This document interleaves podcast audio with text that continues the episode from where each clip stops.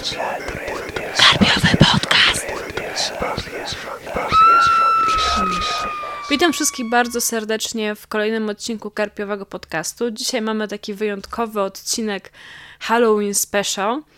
Nigdy nie robiliśmy niczego szczególnego z okazji Halloween, bo tak jak w sumie rozmawialiśmy przed chwilą z Pawłem na privie, trochę bez sensu jest robić coś o grozie z okazji Halloween na stronie, która głównie zajmuje się grozą. Jednak tym razem pomyśleliśmy, że w sumie fajnie byłoby nagrać taki dosyć luźny odcinek na temat naszych, naszych takich strachów, głównie z dzieciństwa, ale też e, z, e, z dorosłości. E, I dlatego dzisiaj moim, moim gościem jest Paweł Mateja. Cześć, witam wszystkich. I będziemy rozmawiać o naszych strachach. Zacznę ja, dlatego że jestem egoistką i chcę być zawsze być pierwsza. Nie, tak naprawdę po prostu y, uważam, że moje strachy są trochę śmieszne i, i będą raczej z dzieciństwa, dlatego że dzisiaj, jako osoba 30-letnia, bardziej boję się. No dobra, oprócz tego, że boję się pająków, e, to bardziej boję się, że nie będzie mnie stać na mieszkanie albo albo nie będę miała zleceń. nie mam jakichś takich, e, takich, nie wiem, strachów, takich, o których warto by było rozmawiać w podcaście. Więc zacznę od takich śmiesznych trochę rzeczy. E, ty może już wiesz, bo ja ci to chyba kiedyś mówiłam, ale ja się kiedyś strasznie bałam stawiania baniek. W sumie nie wiem, nie wiem, nie słyszałem chyba jeszcze o tym. Nie? A może? To może, może jeszcze się nie chwaliłam. I pamiętam, ile miałam lat. Możliwe, że miałam tak, nie wiem, Chyba już chodziłam do szkoły, bo wydaje mi się, że czasów takich przed szkołą za bardzo nie pamiętam. W każdym razie pamiętam, że było jakieś tam, wiesz, imieniny, jakieś tam ciotki przyszły i zaczęły rozmawiać o bańkach, o stawianiu baniek. Ja w ogóle nie wiedziałam, co to jest, ale one zaczęły mówić, że o, bo trzeba uważać, bo można człowiekowi krzywdę zrobić.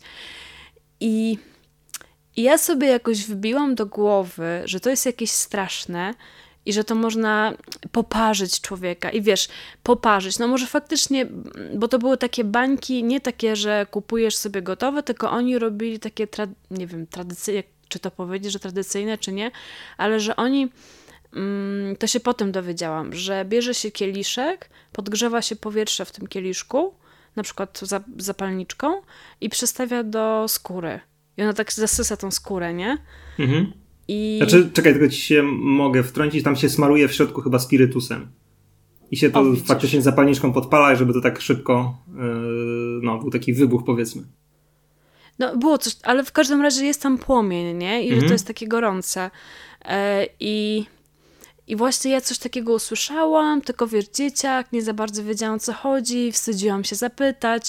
I słuchaj, przez kilka dni nie mogłam spać przez to. Znaczy wiesz, to, to było kilka dni, ale dla dzieciaka kilka dni to jest wieczność, nie? Mm. I, kiedy, I rodzice w końcu zauważyli, że ja coś, coś tak, wiesz, przerzucam się z boku na bok, przekręcam się, że nie śpię i co się dzieje.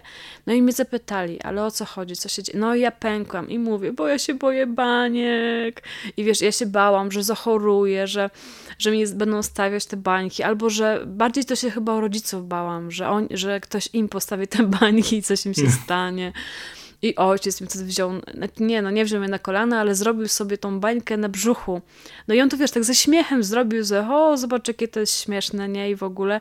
No i, no i przestałam się bać, tak? Ale no kurczę, powiem ci, że do dzisiaj pamiętam, jaka ja byłam przerażona tymi bańkami. Mm. I druga taka rzecz, e, która nie dała mi spać, to UFO. Mm. Słuchaj, ja kiedyś byłam pewna, że UFO istnieje. O, to nie zabrzmiało powie. dobrze, moim zdaniem. To nie zabrzmiało źle. Znaczy dobrze, bo ja cały czas wierzę, że istnieje. No może gdzieś tam, nie? W każdym razie wierzyłam, że, że może mnie porwać e, i wydaje mi się, że to było w podobnym wieku, aczkolwiek, e, aczkolwiek no mówię, ja nie jestem w stanie rozróżnić tych takich, czy ja miałam 8 lat, czy 10, czy może mniej, to tam dla mnie nie było różnicy za bardzo. W każdym razie Zawsze zasypiając, e, nasłuchiwałam wszystkich dźwięków i próbowałam je mm, zidentyfikować. Żeby wiedzieć dokładnie, że ten szum to jest szum drzewa, że to stukanie to jest to i tamto, że to chrobotanie gdzieś tam to jest, nie wiem, szczur. No dobra, nie mieliśmy, nie mieliśmy szczurów w domu, ale wiesz o co chodzi. Mhm. A że mieszkaliśmy, bo w mieście to jest ogólnie głośno, więc nie jesteś w stanie za bardzo tych dźwięków chyba rozróżniać, bo jest cały czas hałas. A na wsi nie, na wsi jest dosyć cicho i na przykład, e, wiesz, tam ewentualnie jakiś szum drzew, jeżeli wieje, a do nas dochodziło, dochodziło takie echo mm, pociągów, które jechały bardzo daleko, w ogóle gdzieś tam za lasem. I ono w nocy brzmiało dosyć upiornie. I zawsze sobie wyobrażałam, że to to UFO leci do mnie. I że zaraz. Ja pamiętam, ja nie wiem właśnie, czy ja się naoglądałam archiwum X, czy ja. E, wiem, że mój brat starszy, on był rok starszy że on się bardzo UFO interesował i, i on e, nawet miał jakąś książkę o UFO, ale wydaje mi się, że w momencie, kiedy my już czytaliśmy sobie książki, to mi już to przeszło, ale miałam kilka takich tygodni, że autentycznie nasłuchiwałam wieczorem, nie mogłam usnąć, bo nasłuchiwałam, czy mi UFO nie porwie. I nawet miałam takie plany, wiesz, że, że jak zobaczę takie światło Mm, no właśnie, bo to światło tak mi się kojarzyło, że to jest takie światło przez okno wpada i wtedy wiadomo, że to UFO. I sobie wyobrażałam, że, że się schowam pod łóżko, albo zamknę się w łazience, albo coś takiego. No. Ale w latach 90., bo to mniej więcej pewnie mhm. na to jakoś trafiało, to mam wrażenie, że to w ogóle był taki bardzo serious business, nie? UFO. To było. No, oczywiście było archiwum X i to pewnie było coś, co tak. głównie to napędzało, ale to był w ogóle czas, kiedy to chyba no przynajmniej w Polsce miał taki mm, swój najlepszy moment. I ja pamiętam, że nawet gdzieś tam u mnie w okolicach właśnie też mówiło się coś o tym, że gdzieś tam ktoś widział UFO i to tak nawet w gazecie chyba o tym pisali, że gdzieś tam niedaleko mojej wioski, w której się wychowałem, więc to, to było coś, co ja jako też dziecko traktowałem tak, no może nie powiem, że całkiem serio, ale no było coś, to coś takiego znaczącego. Teraz no, jest to już taka, nie wiem, no, ciekawostka dla fanów retro chyba bardziej. Czy, czy no, dla jakichś. Yy, no dobra, no, bardzo zawęziło się grono osób, które w tej chwili traktowały jako jakiś cel swojego życia. A inna sprawa, że my już tyle obejrzeliśmy od tego czasu filmów, że już chyba UFO nie robi na nas takiego wrażenia jak kiedyś, nie? Mhm. A czy w ogóle. Znaczy, dla mnie ono jest cały czas bardzo ciekawe i ostatnio, nie wiem, tak z rok temu załapałem też takiego trochę fizia na tym punkcie i no, strasznie lubię na ten temat czytać, ale już z trochę innej perspektywy też. Znaczy, mm, na przykład bardzo ciekawie o UFO pisał e, Jung w takiej niedużej książeczce e, Nowoczesny mit bodajże to się to nazywało gdzie on to interpretował jako taki, taki no, no, po prostu nowoczesny mit, taki, który jest y, wytworzony jakby przez ludzi y, no, w powiedzmy XX wieku y, z powodu braku jakichś adekwatnych mhm. mitów czy, czy, czy jakichś takich wierzeń. No ale to, to, to jest dla mnie jakaś taka trochę inna perspektywa i też z tej strony mnie to zaciekawiło. No ale rzeczywiście to takie UFO z lat 90. w tej chwili, no to już jest takie bardzo mało powiedzmy straszące, no, no, no bo jest po prostu ograne. Tak, tak. No w każdym razie wtedy traktowałam UFO bardzo poważnie. A właśnie, jeszcze a propos UFO. E, w 96 e, sprawdziłam sobie w internecie. E, w 96 wyszedł film Tima Bartona Marsjanie atakują. I ja nie wiem, czy to było w tym roku, czy może w następnym, bo nie wiem z jakim opóźnieniem wchodziły do kin e, filmy, ale poszliśmy z klasą na ten film do kina. I słuchaj, tam na początku jest taka scena. Mm, to tuż po napisach tych początkowych, po tytule, że słychać e, dudnienie kopyt i wiadomo, że zbliża się za takiej górki mm, stado bydła i dopiero wiesz, on biegnie, biegnie, biegnie w stronę widza i nagle widać, że ono płonie, ale w taki, no teraz powiedziałabym śmieszny, komiksowy sposób, że widać im żebra, wiesz, że to, to ciało mm, tak jakby jest, jest e, no, podpalone, zniszczone, że, że widać kości, ale one się świecą tam na zielono chyba, nie pamiętam już jaki to był kolor.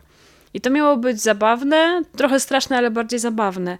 A ja się tego tak śmiertelnie wystraszyłam, że śniło mi się to też przez długi czas i to wydaje mi się, że w dużej mierze mogło mieć wpływ na to, że zaczęłam się tego UFO bać. Ja nie wiem, co było pierwsze. Czy ja najpierw się bałam UFO i obejrzałam ten film, czy może najpierw obejrzałam film i zaczęłam się bać. W każdym razie ja dalej pamiętam tę scenę po tylu latach. E, I tak, i, i, w, i w sumie to tyle. W sumie to tyle z tych takich moich śmiesznych, e, strasznych, strasznych lęków z, dziecię, z dzieciństwa.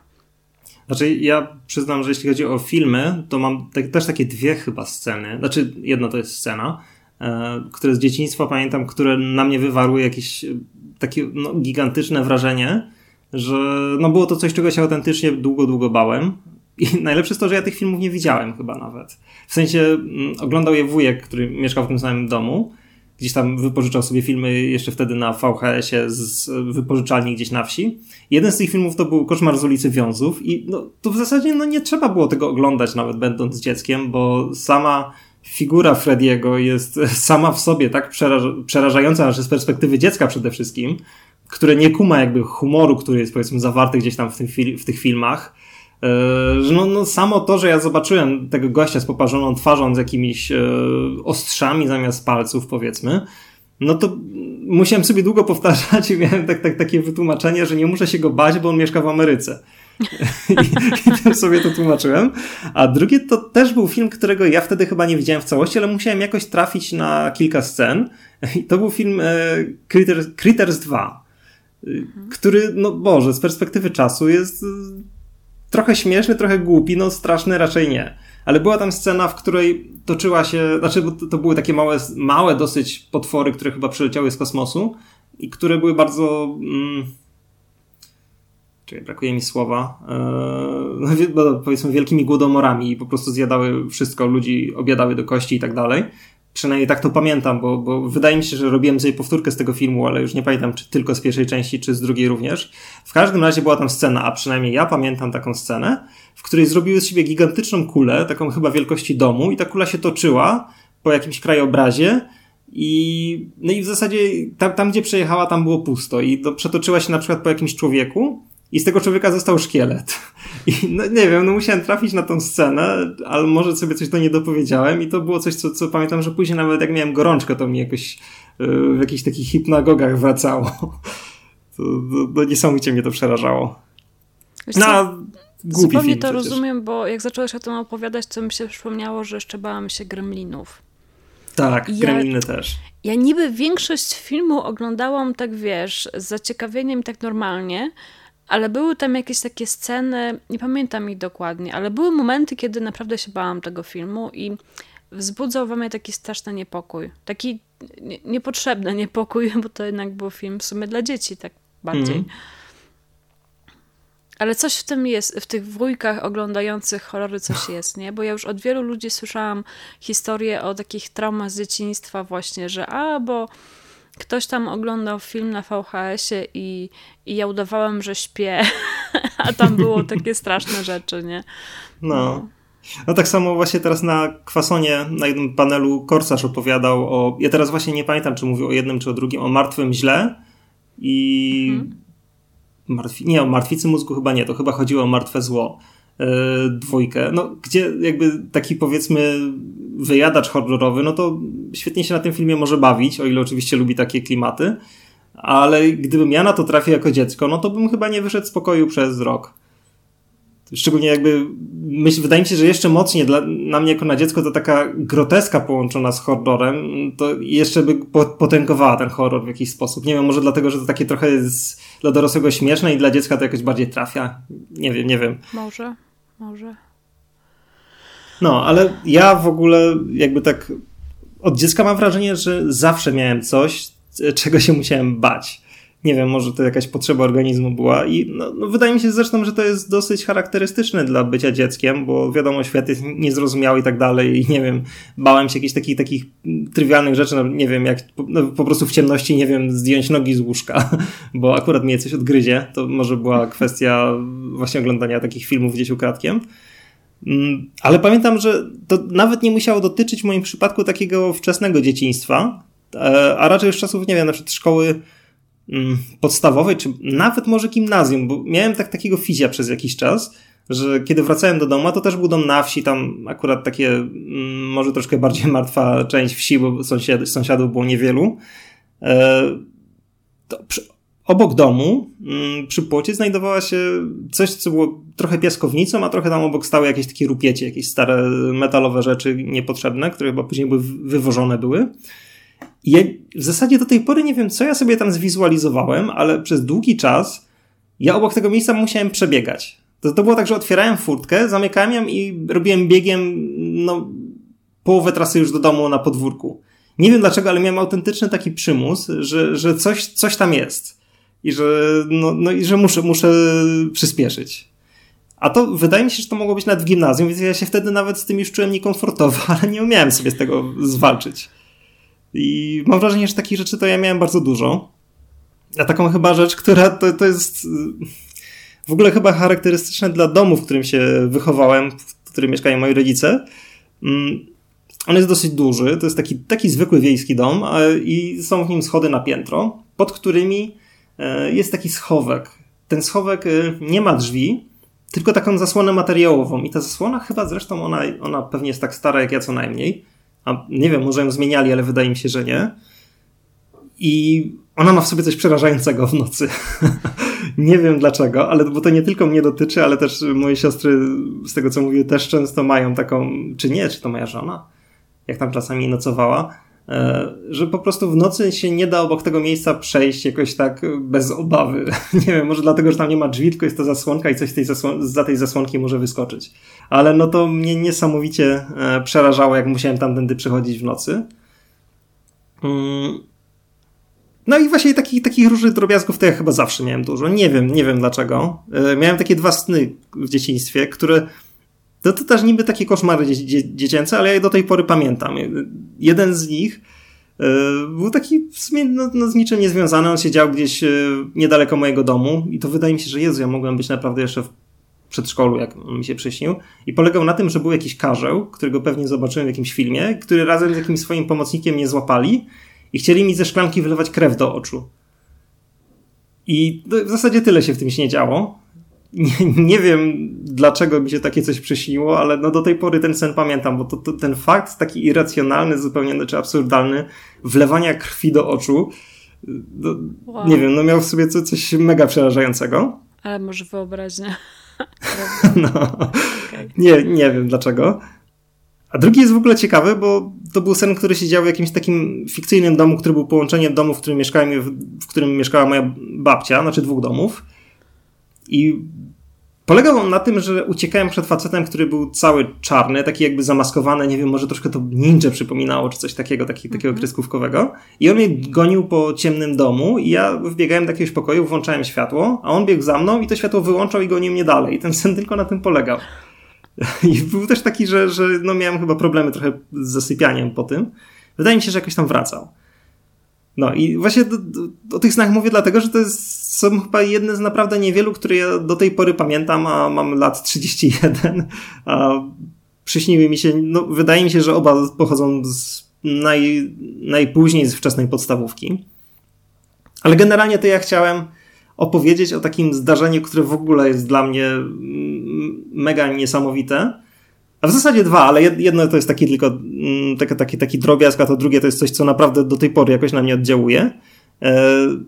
No i dobra, i to było mniej więcej tak, że to, to się działo chyba 10 lat temu, jak dobrze liczę, to aż mnie trochę przeraża, że tak, tak dawno temu, ale rzeczywiście to jakoś musiało tak być. Byłem po pierwszym roku studiów, czy po drugim, nie, po drugim, E, I wyjechałem na, na wakacje do pracy do Niemiec. A to jest dosyć długa historia, ale tak, taki background robię. E, no i po prostu pracowałem przy zbiorze owoców w jakichś tam sadach e, u jakiegoś takiego Niemca, który mówił w bardzo dziwnym dialekcie. Wyjechaliśmy tam razem z kumplem, mieliśmy razem pokój w jakichś takich jego zabudowaniach. To, to wiesz, to nie był jakby jego główny dom, tylko jakieś takie. Mm, to nie wiem, czy to były jakieś jego były magazyny, cholera wie, no ale to było wszystko przerobione na mieszkania, tam miał pełno robotników z Polski i Turków. No i generalnie no, pracowaliśmy sobie, tam było spoko. Którejś nocy wydaje mi się, że po prostu było bardzo ciepło, no bo było to lato i obudziłem się po prostu, aha, no i, no i dobra, wyglądało to mniej więcej tak, że pokój sobie, e, w pokoju były dwa łóżka po prostu jednoosobowe. Na samym końcu pokoju, na, naprzeciwko dokładnie było duże okno. I obudziłem się którejś nocy, no tak po prostu, e, dlatego że było mi chyba ciepło i postanowiłem się tam, nie wiem, e, obrócić na łóżku czy coś takiego. Spojrzałem w stronę okna i zobaczyłem tam stojącego mężczyznę. E, I wyglądało to tak, że, że było to. No właśnie, to jest, to jest w ogóle bardzo trudne do opisania. To była sylwetka tak na oko dwumetrowa, w dużym takim kapeluszu z szerokim rondem, takiej fedorze powiedzmy, i w płaszczu. Była to po prostu czarna sylwetka, która nie miała nawet do końca e, jakichkolwiek takich szczególnych e, szczegółów, powiedzmy. Po prostu taka, tak, tak jakby wyciąć to z ciemności. I to jest ciekawe, że ja widziałem to dosłownie, nie wiem, może przez dwie sekundy, trzy, i w zasadzie zrobiłem niesamowitą rzecz, bo schowałem się pod kołdrę. Naprawdę, to, to było tak totalnie irracjonalne, ale w zasadzie nie umiałem po prostu, bo to było tak przerażające, że nie byłem w stanie zrobić nic innego. Po prostu się schowałem i czekałem. I, miałem, i, to, i to w ogóle jest takie ciekawe, że miałem takie wrażenie, zupełnie e, niczym nieuzasadnione, że ta sylwetka się do mnie zbliża, chociaż jej nie widziałem, nie? Ale tak po prostu jakby strach zaczynał narastać takimi krokami, a później jakby to opadło. I no, odważyłem się szybko wyskoczyć pod tej, znaczy no, odsunąć kołdrę z twarzy i włączyć lampę i oczywiście nikogo w pokoju nie było. E, I taki też ciekawy do tego szczegół jest taki, że pracowaliśmy często w płaszczach przeciwdeszczowych. I ten płaszcz mój przeciwdeszczowy wisiał obok okna, e, zawieszony na szafie. E, tylko, że on nie wisiał w, jakby w obrębie okna, tylko, że, tylko z boku i nie ma opcji, żebym ja widział go dokładnie w tym miejscu, w którym widziałem tę postać. No i jakoś, nie wiem, no, no zasnąłem jeszcze tej nocy i rano no, no było mi powiedzmy z tą sytuacją dosyć niekomfortowo. I zacząłem tam przy śniadaniu o, o, tym opowiadać, i, ale zupełnie jakby dla mnie to była sytuacja taka jednorazowa w życiu, o czymś takim nie słyszałem i tak dalej. Mówię o tym, mówię i znajoma, która tam też y, pracowała, mówi, no ja wiesz, ja też kiedyś widziałem takiego faceta. No i tak mnie troszkę zatkało i zaczęła coś właśnie też o tym opowiadać, że w zasadzie widziała faceta w płaszczu, takim jakby w konturze płaszcza i z szerokim kapeluszu no to już mi się zrobiło dosyć nieswojo. Wydaje mi się, że jeszcze ktoś wtedy wspomniał, bo tam było dosyć dużo ludzi, ktoś jeszcze też wspomniał o czymś takim. No, siedziałem tam jeszcze pewnie chyba wtedy ze dwa tygodnie i nie wiem, jakoś, jakoś mam wrażenie, że wtedy na początku to jeszcze na mnie do końca nie działało, no bo spałem z kimś w pokoju i jakoś, nie wiem, to zawsze dodaje człowiekowi animuszu. I jako, jakoś to wszystko, nie wiem, mm, uznałem, dobra, no tam jakieś przewidzenia i tak dalej mimo wszystko. A jak wróciłem do Polski i miałem w końcu internet, no bo to było 10 lat temu i tam internetu na miejscu nie miałem, to zacząłem grzebać po różnych forach, po których w zasadzie już wcześniej też lubiłem e, grzebać, na przykład jakimś, e, w takich w stylu paranormalne.pl. I Jezu, ja znajdowałem tam tematy na temat takich istot. Nie? Że po prostu wiesz, wchodzę sobie na forum i znajduję temat cieniste istoty i tam na przykład 20-30 wypowiedzi, czy jakieś też relacji zagranicznych, jakieś szkice tych yy, istot, które tam były przedstawione na, na dwa rodzaje, w dwóch rodzajach.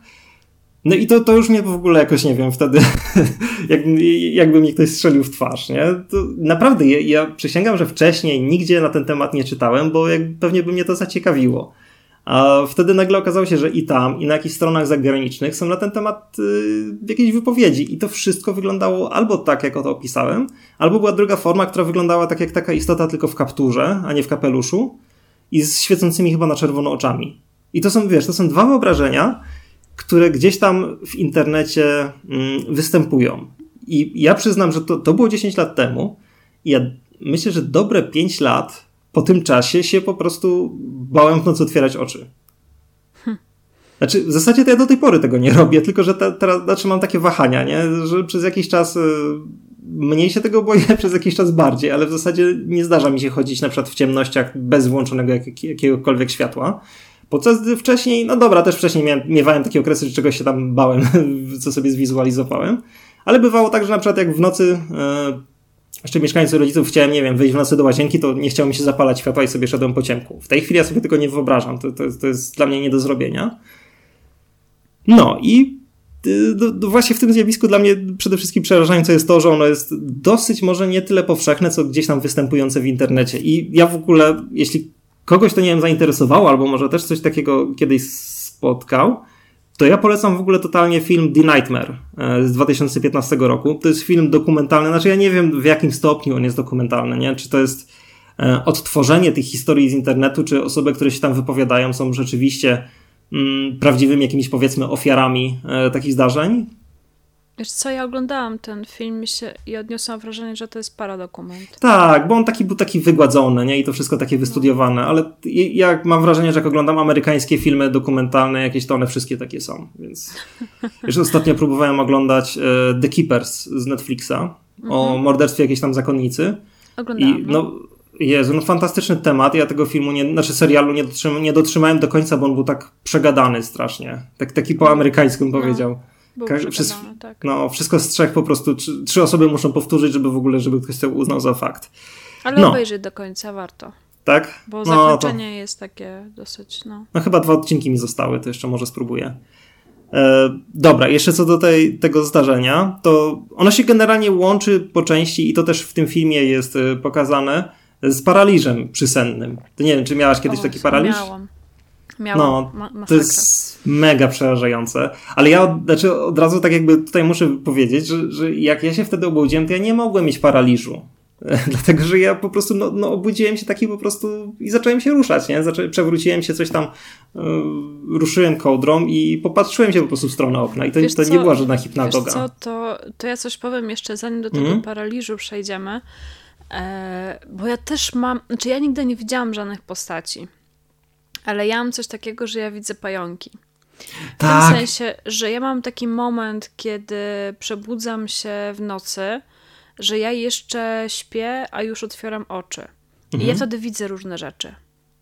Tylko, że to nie jest takie, że, że coś tam mi się przywidzi, tylko no, ja jestem e, przekonana, że właśnie na moją twarz spuszcza się pająk wielki. E, I, i ja wtedy oczywiście, nie to, że tam z krzykiem wstaję, no ale najczęściej, wiesz, podnoszę się, rozglądam, gdzie on się podział, często zapalam jeszcze lampkę, bo mam przy łóżku mm, i dopiero jak się naprawdę obudzę, czy tam po kilku sekundach powiedzmy, nie? To dopiero się kapie, aha, znowu, znowu, znowu wiesz, znowu widmo. Mhm. Mm, więc, więc ja podejrzewam, że wiesz, no dobra, ja przyznaję, że ja jestem straszną sceptyczką, jeżeli chodzi o takie rzeczy, więc ja podejrzewam, że coś takiego miałeś, nie? Mhm. Ale to jest naprawdę, to też jest przerażające. Znaczy, no. no wiesz, dopóki się nie rozbudzisz i nie, ta, tak jakby twoja świadomość nie nadąży nad, za tym, co się dzieje, to no jesteś przekonany, a ja się boję pająków. Więc dla mnie spuszczający się na twarz pająk to jest najgorsze, co może mi się przewidzieć e, po przebudzeniu. Mm, więc nie wiem, może dla ciebie najgorszym koszmarem jest postać za oknem, nie? Znaczy, wiesz, dla mnie to było tyle dziwne, że to w ogóle nie było coś, ta postać, o czym ja bym kiedykolwiek myślał. I, znaczy, ja jestem przekonany, że ja wtedy byłem rozbudzony. Ja oczywiście jakby zdaję sobie sprawę, że, znaczy nie chcę tu wchodzić teraz w jakąś wiesz, mistykę, że, że ja naprawdę coś widziałem i tak dalej. No nie, mnie to po prostu fascynuje jako zjawisko takie, które y, później odkryłem.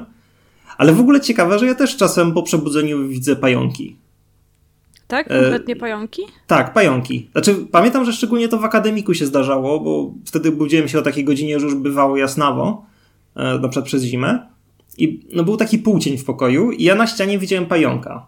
Znaczy, to być może było coś zupełnie innego niż ty widziałaś, ale takiego, no, trochę rozmazanego, jakby zrobionego z cienia pająka, który sobie chodził. I ja na przykład zamykałem oczy, otwierałem i on tam dalej chodził. Nie? To, to, to, było takie irytujące zjawisko gdzieś z pogranicza, nie wiem, mm, czegoś, co się naprawdę widzi i czegoś, czego nie ma. Że, że on był, był, zbyt realny. Jakby. Ale to był taki pająk, taki, że bardziej widzisz taką plamkę po prostu, która się porusza? To yy, taki z nogami ze wszystkim. On był właśnie, on był trochę rozmazany, ale z nogami. Właśnie to było Aha. dziwne. Aha. No ale to nie, akurat... bo takie też czasami widuję i to nie zupełnie nie dlatego, że się dopiero obudziłam, tylko patrzę się na jakąś plamkę na ścianie i jestem przekonana, że ona się porusza. Po czym mm, podchodzę, wiesz, żeby sprawdzić, żeby zabić tego pająka, chociaż już się teraz nauczyłam, że to najczęściej nie jest pająk. I się okazuje, że to jest po prostu jakaś plamka, tak? Albo. I ale jestem przekonana, że to się poruszało. Nie, to ona, to, to, ta plamka była powiedzmy o 40 centymetrów ode mnie na ścianie i miała nóżki. nie wiem, znaczy to, to zakładam, że to jest po prostu coś, coś mi widocznie w mózgu źle działało. Ale no ten facet był o wiele realniejszy. A to było takie, takie co z ciekawością po prostu sobie obserwowałem i obs mogłem to obserwować przez parę minut. To, to jakby nie znikało. Dopiero, nie wiem, może jak mi się oczy bardziej obudziły, to to zaczynało znikać. A czy wiesz, może ci się wydawało, że to jest parę minut, nie? Mhm. No te pająki, które mi się tam... No ja bardzo często, praktycznie za każdym razem, jeżeli się obudzę w nocy z takiego głębokiego snu, to, to dopóki to otwieram oczy i zazwyczaj od razu zamykam, nie? Takie pierwsze mhm. przebudzenie. Mm. I zawsze, po prostu zawsze zobaczę jakiegoś pająka. I nie wiem dlaczego tak mam, ale po prostu już tyle razy. Mm, już tyle razy to mi się zdarzyło, że już, się że już tak trochę się przyzwyczaiłam i już tak nie reaguję jak kiedyś. Bo kiedyś to od razu się zrywałam i wiesz, o Boże, no bo dla mnie, dla mnie to jest w ogóle taki koszmar całego dzieciństwa, tak? Pająki w e, domu. Mm, ja kiedyś e, ja kiedyś zawsze przed tym, jak kładam się spać, zwłaszcza w sezonie, kiedy pająki wchodziły do domu, bo jest taki moment, e, moment głównie na jesieni, kiedy mhm. robi się zimno na dworzu i pająki chowają się w ciepłe miejsca w domu. Tak, I to tak. są najczęściej nie takie typowe domowe pająki, których ja się już nie boję, czyli takie takimi cieniutkimi nóżkami, tylko ja się boję tych z grubymi. to brzmi strasznie infantylnie, ale niestety. Znaczy, tak ja to, to doskonale rozumiem. Tak. Miałem I... też pół mhm. dzieciństwa, bałem się najpierw tych z cienkimi, ale później do domu zaczęły wchodzić te z grubszymi i, i zmieniła mi się zupełnie relacja do tych pierwszych. nie, te, te z grubymi, te takie wielkie kurwy. O Jezu, nie powinno przekiwać. E, te wielkie skurczybyki, jak one wchodziły do domu i i pojawiały się w takich randomowych miejscach, bo one też. E, kurczę, teraz to nie wiem, czy ja to dobrze mówię, że one wchodziły do domu, czy może jak zaczynało się grzać w mieszkaniu, to one uciekały z ciepłych miejsc? Nie, w, sen, w sensie, nie, nie, nie wiem, w każdym razie, się, że... że... Pamiętam, że był taki okres zawsze, kiedy one przez jakiś czas nie wychodziły, że nie było, że chyba, że takie, takie te cienkie tylko były gdzieś tam w kącie. E, a był taki moment zawsze w roku, że one, że zaczynały jeszcze wtedy tak uspokajałam, że wiesz, o, nie, nie ma pająków, zapominam, jest spoko. I przychodził taki właśnie okres, że, że dosłownie co kilka dni y, widziałam jakiegoś takiego sukinsyna na ścianie. I naprawdę miałam momenty, że praktycznie nie, nie usnęłam. Nie położyłam się do łóżka, dopóki nie zrobiłam inspekcji pokoju.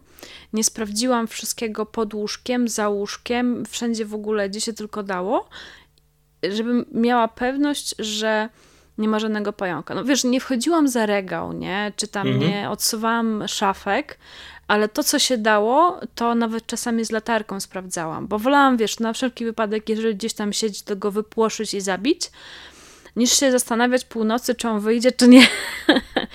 No to ja miałam dwa... bardzo podobnie. I miałam dwa takie, i w ogóle to, co mówiłeś o kołdrze, że się bałeś e, nogę wystawić, żeby ci e, tam jakiś potwór jej nie zjadł, to ja miałam tak, że zawsze spałam zwinięta w rulonik pod kołdrą, dlatego że byłam przekonana, że jeżeli kołdra będzie dotykać e, podłogi, to ten pająk sobie po tej kołdrze przejdzie. Co jest idiotyczne, bo on przecież mógł sobie normalnie po łóżku przejść, ale ta kołdra była jakaś taka, jakaś taka magiczna była. Mhm. I w ogóle to miałam jeszcze straszne, najbardziej to się bałam, że mi po głowie będą chodzić, dlatego że ja no, jako dziewczynka miałam długie włosy, tak? I największy koszmar, jaki potrafiłam sobie wtedy wyobrazić, oczywiście nie w fazie, kiedy bałam się baniek albo UFO, e, to właśnie pająk wchodzący we włosy. A niestety spałam z głową przy ścianie, e, więc no jakby miały, one najczęściej na ścianach chodziły, te pająki. Więc to był niestety najbardziej prawdopodobny scenariusz. I miałam dwa razy taką sytuację, że centralnie nad moim łóżkiem, a miałam taki rozkładany fotel pojedynczy, takie, takie dwa sukinsyny, najpierw jeden wylaz e, i pamiętam, że wydawało mi się, że to jest mucha, bo już było ciemno, już było zgaszone światło i tylko takie gdzieś, gdzieś tam jakieś źródło światła e, takie niewielkie było, że widziałam tylko właśnie taką plamę. I mówię, kurczę, chyba, chyba mucha idzie w moją stronę, nie? I miałam w ogóle chęć ją tak machnąć ręką, żeby ją spłoszyć. Dobrze, tego nie zrobiłam, bo okazało się, że to jest taki... Że jak zapaliłam światło, ta plamka jakoś się strasznie powiększyła ogólnie. I to był taki wielki pająk, nie? I mówię, o Marcin, Marcin, mój brat ma na imię Marcin. Marcin, Marcin, weź zabij, weź zabij, ja się boję. No czego się boisz, weź kapcia i zabij. Ale ja się boję, że go nie zabiją, spadnie. Wiesz, najgorzej, jak nie zabijesz, mm -hmm. a on spadnie się. za łóżko. Spadnie za łóżko i nie wiesz, gdzie on jest. I już nie ma spania do rana. No i takie miałam właśnie historię z dzieciństwa. Ale, ale, ja, ale też, wró- no. Wydaje mi się, że to jest y, jakieś, nie wiem, charakterystyczne, jak ktoś mieszkał na wsi, bo ja właśnie też y, no, miałem identyczne w, w zasadzie przejścia z pająkami. No, mniej się chyba ich bałem i ich nie zabijałem, ja je zawsze wynosiłem. Ale nie w ręce, nie, broń Boże, tylko w szklance. W szklance. Albo w słoiku. No, zawsze tak. Ja, ja, wszystko tak wynoszę, wszystkie jakieś owady teraz, bo teraz mi się tego. No dobra, poza biedronkami bo, i molami, dlatego nie mam litości ale jakieś nie wiem, wie, większe różne owady jak wynoszę, to zawsze je no, łapię w słoik jakąś kartką i wynoszę. Znaczy, no dobra, jakieś tam chrabąszcza, jakąś ćmę większą też bym wyniosła. Ale no, ja pająki jakoś też. Tak.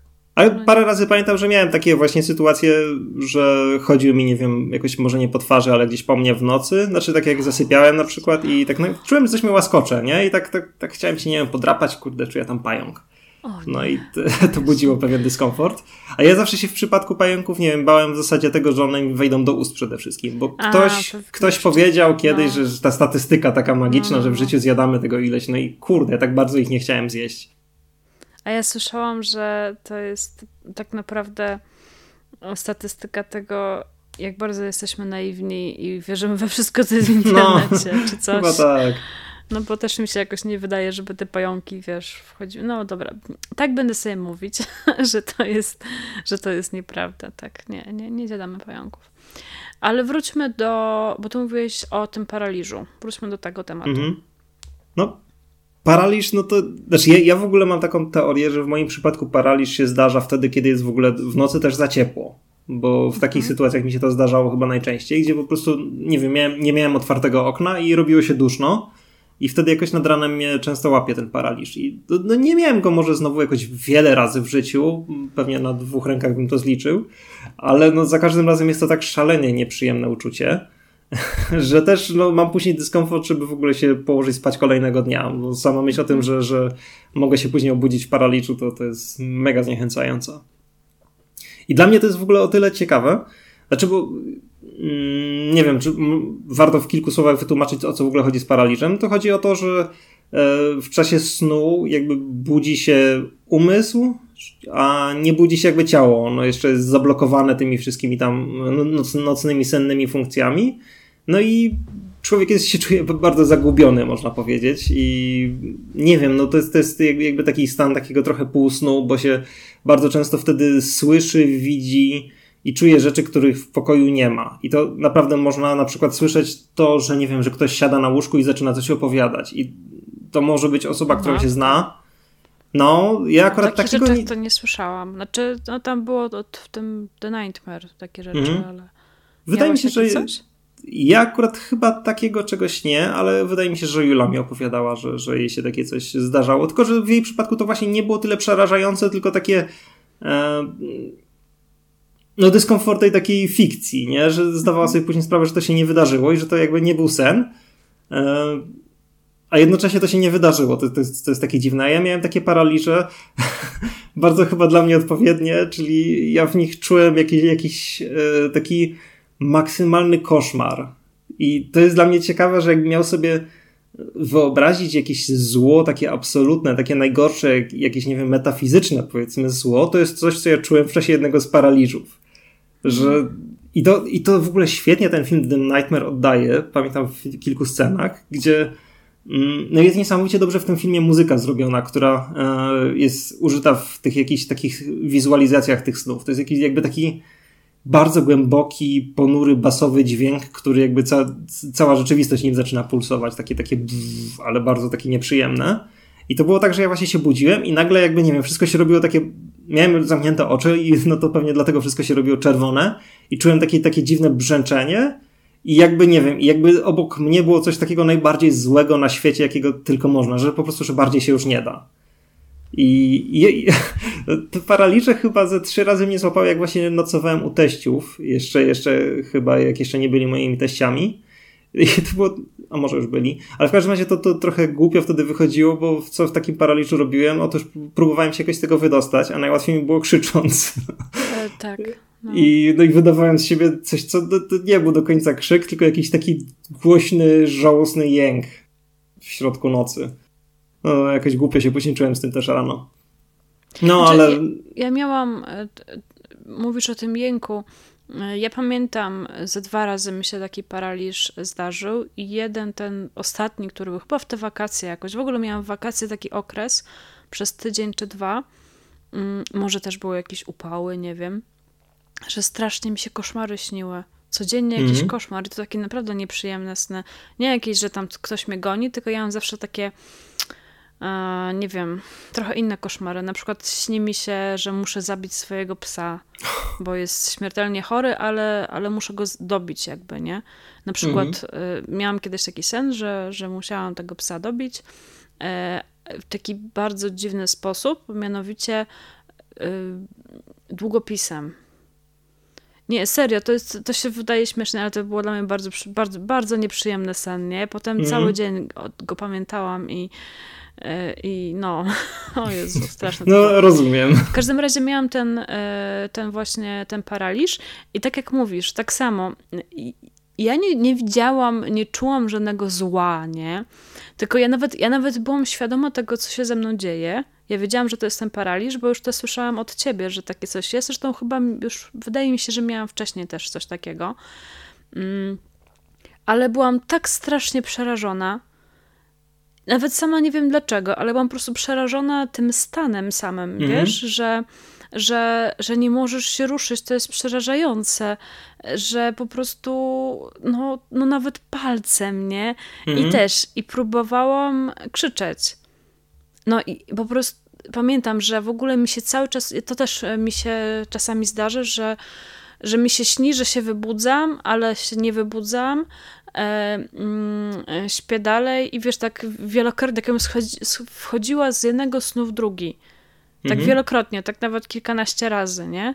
I to też jest strasznie w ogóle męczące, takie coś, takie budzenie się, kiedy ciągle zastanawiasz, czy ty już się obudziłeś, czy nie. I miałam coś takiego w tym paraliżu, że kiedy już mi się wydawało, że już jest okej, to się okazywało, że jednak nie, że ja dalej śpię, czy nie śpię, że mam ten paraliż. I pamiętam, że już taka, taka przerażona, że tak strasznie chciałam, żeby to już się cholerstwo skończyło, że właśnie próbowałam albo w ogóle potrząsnąć e, moim chłopakiem, który leżał obok. Tylko niestety on ma bardzo, bardzo głęboki sen. E, I, I próbowałam właśnie ruszyć ręką, żeby go potrząsnąć, ale przede wszystkim właśnie próbowałam krzyczeć. Więc jestem ciekawa, jakie ja dźwięki wydawałam, bo to trwało taką dłuższą chwilę, to, to moje takie krzyczenie niby. I w końcu się obudziłam i nawet, nawet, nawet jego obudziłam i mu w ogóle od razu opowiedziałam, co się wydarzyło. Czy to nawet może on usłyszał w końcu mnie? Nie wiem, ale wiem, że to było. To krzyczenie to jest jedna z bardziej przerażających momentów mojego życia, nie? To było naprawdę mm -hmm. takie. To muszą jakoś hormony działać, nie? Jakoś tak dziwnie. No. Że, bo ty mówisz, że czułeś takie zło, ale też byś nie powiedział, że wprost, że, że widzisz coś konkretnego, co ci zagraża, tylko po prostu czujesz, tak? -hmm. Tak jakby. Tak, to było takie to po prostu wszystkimi zmysłami czułem. Tak. To właśnie takie paskudztwo. Więc to muszą jakieś, jakieś hormony po prostu tak działać, nie? Że albo, albo po prostu, no w sumie jest przerażające, że nie możesz się ruszyć, nie? I po prostu pewnie reakcje chemiczne od razu odpowiednie tam działają i to tak, tak wygląda. No tak, no te paraże, paraliże to jest to jest coś strasznego. No, naprawdę nie polecam. Chociaż jest to ciekawe na pewno uczucie, ale raczej nie takie, z którego by się człowiek cieszył choć można no. sobie docenić jako jakieś nowe doznanie. I ja w sumie jeszcze chciałem opowiedzieć o jednej takiej dziwnej historii. Znaczy, ona nie jest nadnaturalna znowu jakaś, ale dla mnie ona jest do tej pory mega dziwna i nie ogarniam w ogóle, co się wtedy do końca wydarzyło. I znowu się to działo u moich rodziców w domu. E, to chyba, no nie wiem, może z 5 lat temu, może 6. O, może trochę więcej, to już jestem stary i wszystko mi to szybko leci. E, też właśnie byłem jakoś w sobotę u rodziców robiłem coś sobie na parterze domu w kuchni, coś sprzątałem, mm, chyba po obiedzie i postanowiłem pójść do swojego pokoju, który był na piętrze. A w domu prawie nikogo nie było. Był chyba mój ojciec, który odkurzał podłogę czy coś takiego, bo to sobota, wiadomo, sprzątanie. Aha, ale no, no tak, i on to robił dosyć głośno. I też na parterze. E, więc musiałem wejść prawie w stronę wejścia do domu i wejść schodami na górę. I otóż stojąc u góry schodów zobaczyłem tam jakąś nieznajomą mi kobietę, ale już nie, nie ubraną na czarno ani nic takiego, tylko normalnie jakąś taką powiedzmy trzydziestolatkę, która stała sobie w korytarzu między dwoma pokojami i patrzyła na mnie, a ja na nią i nie bardzo wiedziałem co się dzieje, no i to, to właśnie zapytałem co pani tutaj robi. A ona odpowiedziała, że w sumie to tak, też taka była bardzo zmieszana i mówi, że ona słyszała, że tu są jakieś pokoje do wynajęcia. No ja totalnie zgłupiałem, no bo Jezu, jakie, jakie pokoje gdzieś tam na wsi, e, w niezbyt centralnej okolicy. No mówię, że nie i że no co pani tutaj robi? Ona, że no ten, to ona przeprasza i mówię, dobrze, no to niech pani stąd idzie. To było no, głupie z mojej strony, że ją tak puściłem, ale no totalnie jakby byłem zamurowany. No, ona zaczęła schodzić po schodach, bo ją no, przepuściłem, a jeszcze warto dodać, że to nie była jakaś, ona nie wyglądała jak jakiś menel, jak jakiś, nie wiem, e, wiecie, taki podejrzany człowiek, hmm. tylko taka normalnie bardzo wyglądająca. No, ale jakieś już wtedy zaczynało mi coś się w głowie odkręcać, no i poszedłem do swojego pokoju i zacząłem patrzeć, czy wszystko jest, czy nie wiem, czy, czy, czy czegoś nie ukradła. Hmm.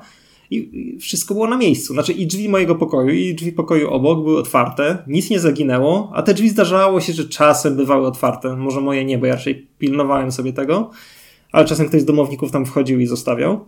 No ale nie wiem, czy ona tam zaglądała do środka, czy nie. W każdym razie, jak się po paru tam, nie wiem, po 20-30 sekundach jakoś ogarnąłem, e, to no jakoś tak mi przyszło do głowy, może jednak bym zobaczył, czy ona w ogóle, gdzie, co, co, czy ona wyszła, czy co, no i nigdzie jej nie było.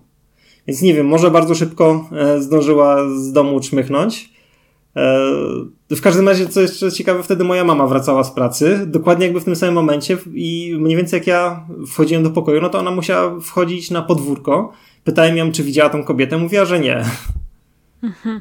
A no, powinny się gdzieś minąć na podwórku albo przynajmniej kawałek za nim. No i tak naprawdę ja do tej pory nie kumam. Co, znaczy, jakby do, doskonale, no, doskonale rozumiem, że tam żadnego pokoju raczej nie szukała, bo, bo to było no, jakieś chyba na prędce wymyślone wytłumaczenie. No, no, pewnie albo miała jakąś, nie wiem, mo, może jakiś problem psychiczny, coś, coś sobie wkręciła, no albo chciała coś ukraść, nie wiem, może nie miała nic atrakcyjnego w pokoju. Albo akurat ją przyłapałeś, jak chciała ukraść, no. nie zdążyła jeszcze.